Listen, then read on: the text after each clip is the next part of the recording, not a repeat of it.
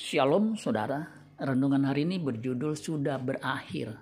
Yesaya 14 ayat 3 dan 4. Maka pada hari Tuhan mengakhiri kesakitan dan kegelisahanmu dan kerja paksa yang berat yang dipaksakan kepadamu, maka engkau akan memperdengarkan ejekan ini tentang Raja Babel dan berkata, Wah, sudah berakhir, si penindas sudah berakhir, orang lalim Raja Babel, yaitu Nebukadnezar II, menjadi tipologi kejatuhan iblis atau Lucifer.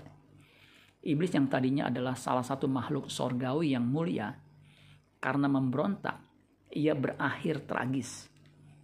Nantinya ia akan diturunkan ke tempat yang paling gelap. Yesaya 14 ayat 12 sampai 15. Wah, engkau sudah jatuh dari langit. Hai bintang timur, putra Fajar, engkau sudah dipecahkan dan jatuh ke bumi, hai yang mengalahkan bangsa-bangsa. Engkau yang tadinya berkata dalam hatimu, aku hendak naik ke langit.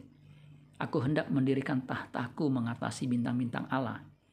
Dan aku hendak duduk di atas bukit pertemuan, jauh di sebelah utara. Aku hendak naik mengatasi ketinggian awan-awan, hendak menyamai yang maha tinggi. Sebaliknya, ke dalam dunia orang mati, engkau diturunkan ke tempat yang paling dalam di liang kubur. Orang yang percaya kepada Kristus disebut anak Allah. Allah mengharapkan orang percaya hidup dalam ketaatan. Untuk itulah kita harus belajar dari Kristus dalam hal ketaatan.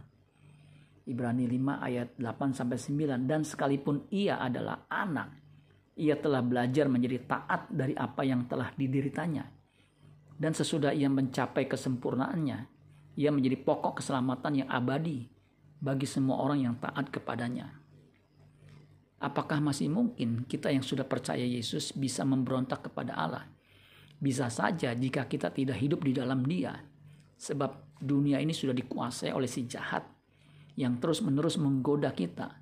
Sebagaimana iblis menggoda Tuhan Yesus, ia akan terus mencobai pengikut Kristus. Untuk itulah kita harus waspada terhadap oknum satu ini, Salah satu godaan yang harus kita waspadai adalah tawarannya untuk memiliki dunia dan kesenangannya.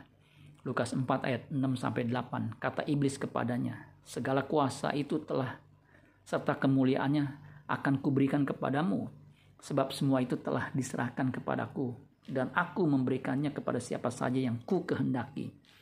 Jadi jika engkau menyembah aku, seluruhnya ini akan menjadi milikmu.